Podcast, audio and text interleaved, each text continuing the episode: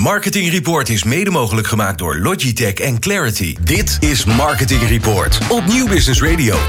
Ja, en eh, onze eerste gast is Sophie Corlet. Zij, uh, ja, wat ik al zei, Global Head of Internal Communication en Content Strategy bij Momentive. Nou, uh, Sophie, welkom. Dankjewel. Goed dat je er bent. Ehm, ja, Momentive. Hè? dat, dat, dat, dat klinkt vrij nieuw. Daar gaan we het over hebben, wat Momentive allemaal doet. Maar eerst even weten, wie is Sophie? Ja, nou, ik ben Sophie. Ik ehm, werk nu bij Momentive. Ik ben mijn carrière begonnen bij Microsoft Mhm. in de technologie. Dan kreeg ik heel snel, iets te snel, eh, leiding over het consumentenmarketingteam. en daar, dat was best wel een leuke uitdaging, want toen was Microsoft helemaal niet zo sexy.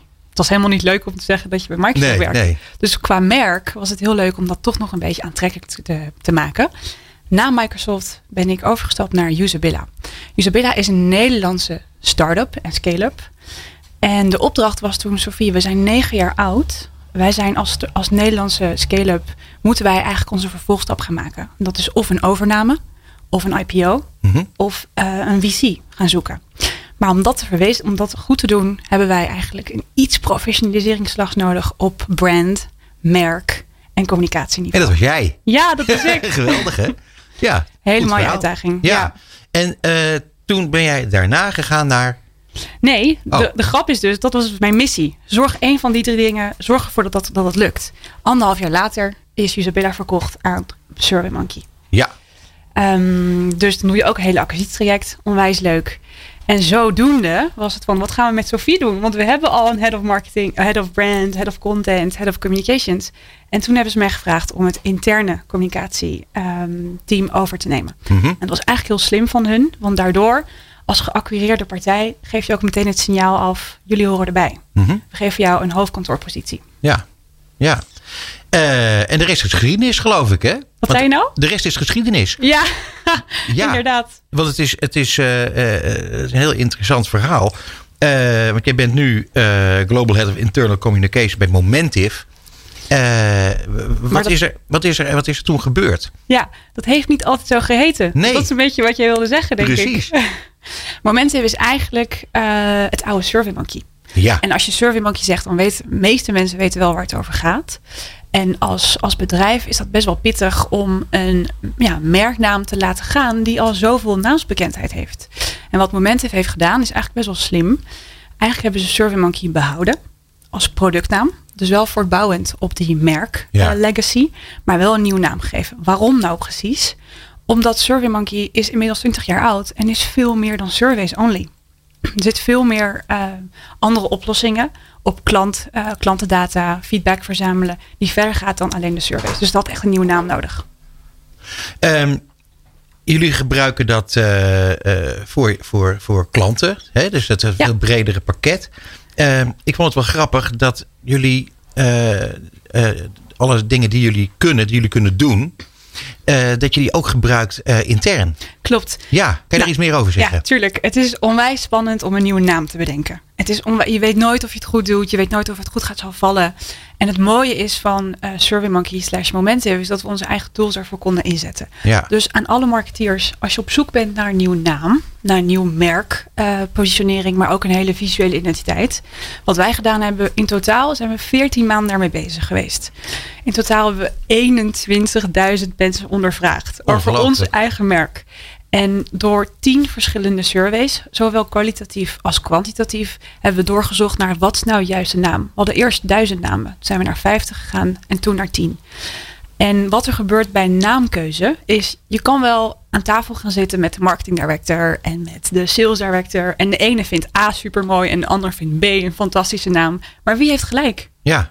En Ja. uiteindelijk, als je dat kan uitvragen bij de persoon voor wie het gemaakt is, namelijk je klant, en die geeft gewoon zijn eerlijke mening daarover, dan heb je een grotere kans dat je een naam vindt die bij je past. ja, ik vind het echt een briljant verhaal.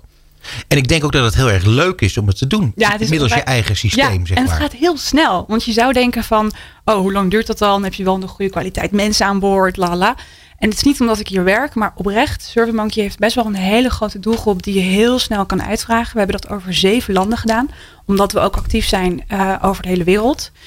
Ehm, en het gaat heel snel. Dus je gaat slapen. Tenminste, ik ga slapen omdat ik in Europa zit en zij zit in Amerika. En ik Ja. word wakker en de volgende dag zijn alle resultaten binnen. En dan weet ik, dit logo niet, dit logo wel. Ja, ja, te gek. Hey, en je toen gaf je aan ehm, dat ehm, eh, die overname plaats had. Ja, en dat je, je zei tegen me van. eh, en dan verschijnt je naam opeens op de net. ja, ja dat was echt bizar. Ja. Ja, Wat, vertel even wat er met je gebeurt dat? dan. Ja, Ehm, dus nogmaals, ik deed alle, alles wat merk, communicatie en content te maken. Dat deed ik met een team hoor, not, not just me.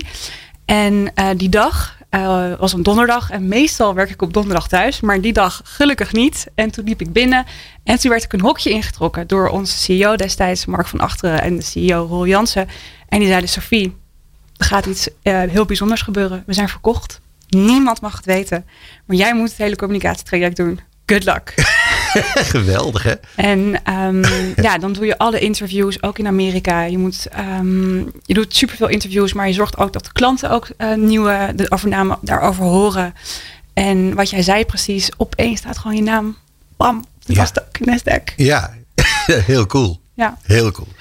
Eh, als je nou moet eh, omschrijven wat, wat jullie services precies be- behelzen, behalve de surveys. ja, eigenlijk wat Momentive doet, is het verzamelen van data op klantniveau, klantervaringen, maar ook productervaringen, eh, brand insights en marktonderzoek.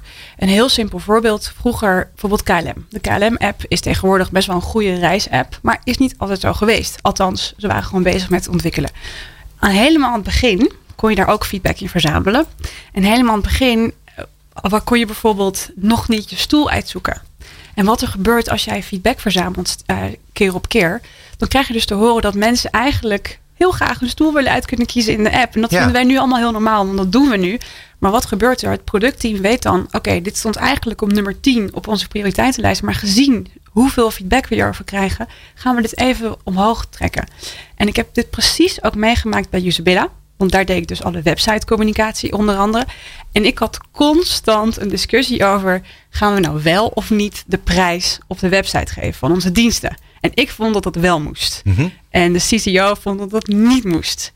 En wat heb ik gedaan? Ik heb vier maanden lang alle feedback verzameld. Dus iedere keer lieten onze websitebezoekers achter... hey, wat is jullie prijs? Ik wil weten wat de prijs is. Oké. Dan heb ik al die data verzameld. En, en iedere keer stuurde ik een mailtje. Jongens, het is weer zover. Er zijn weer zoveel mensen die het willen weten. Kun je Ja. het alsjeblieft op de website zetten? En zo, ja, zo kan je beter vormgeven. Ja, ik vind het eh, een goed verhaal. Het, het, het- wat er elke keer op neerkomt, is dat jullie steeds maar eh, gebruik maken van je, van je eigen services. Ja, Om eh, zowel je klanten, maar ook jezelf eh, goed van dienst te zijn. exact. Ja. Ja, maakt je dat trots? Ehm, ja, soms wel. Ik ga niet op een verjaardagsfeestje dit hele verhaal uitpakken Nee, natuurlijk. maar weet je, als jij je verhaal vertelt, dan kijk je echt super vrolijk. Ja. En dus dat, dat, daar moet echt wel een reden achter zitten. Want het is toch een, het is een lekker verhaal. Ik kan me voorstellen dat het ook heel erg leuk is om te doen. Ja, het is, het is, kijk, het is een simpele technologie. Mhm. hè, relatief simpele technologie. Maar het werkt gewoon goed. En eh, het verbaast me soms. Ik, toen ik nog eh, marketing deed, eh, bijvoorbeeld voor Microsoft, ontwikkelde ik zelf websites om een bepaalde laptop aan te prijzen. En ik vroeg me de hele tijd af, moet ik eerst dit vertellen? Moet ik eerst dat vertellen? Is dit plaatje te groot? Is dit te klein? Ja. Wat willen mensen als eerst weten? Je weet het gewoon niet. Nee. En als je dan toch die feedback heel makkelijk, heel simpel kan verzamelen. En het is ook niet heel duur, eerlijk. ehm, dan kan je dat oprecht verbeteren. Ja. Hey, en als je nou zo zit te vertellen hierover en je hebt eigenlijk zo ontzettend veel dingen eh, zelf eh, in gang gezet binnen, Mhm. binnen de verschillende rollen die je hebt gehad. En voel je dan niet een beetje ondernemer? Ehm, ondernemend. Ja, Ik vind als je ondernemer bent, dan ben je echt wel een ras apart. Mhm. Want dan neem je echt ontzettend veel risico's, ook op je eigen naam. En ik doe dat ook, ehm, maar ik doe dat altijd ja, onder de hoede van een groter merknaam. En ik doe dat met een team. En Ja. soms zit ik er ook naast door. Ehm, het voordeel is, je weet niet altijd of je ernaast zit. dat Ehm, ga je dan onderzoeken. Exact, ik kom er later achter. Met alle mooie cijfers. Ja. Ehm, maar je moet wel ondernemende geest hebben om een beetje gekke ideeën eh, ja, tot stand te laten komen. Ja. Ehm, dan nog eventjes over eh, feestelijke heropening tijdens, Ja. eh, tijdens coronatijd. Eh, dat hebben wij hier in de uitzendingen met, met veer- meerdere eh, eh, mensen en bedrijven of mensen van bedrijven besproken. Ja. Wat voor impact het heeft gehad en wat voor gevolgen het heeft als je iets feestelijks wil gaan doen, omdat er iets Ja. feestelijks eh, te doen is. Eh, dat was bij jullie ook eh, anders dan anders.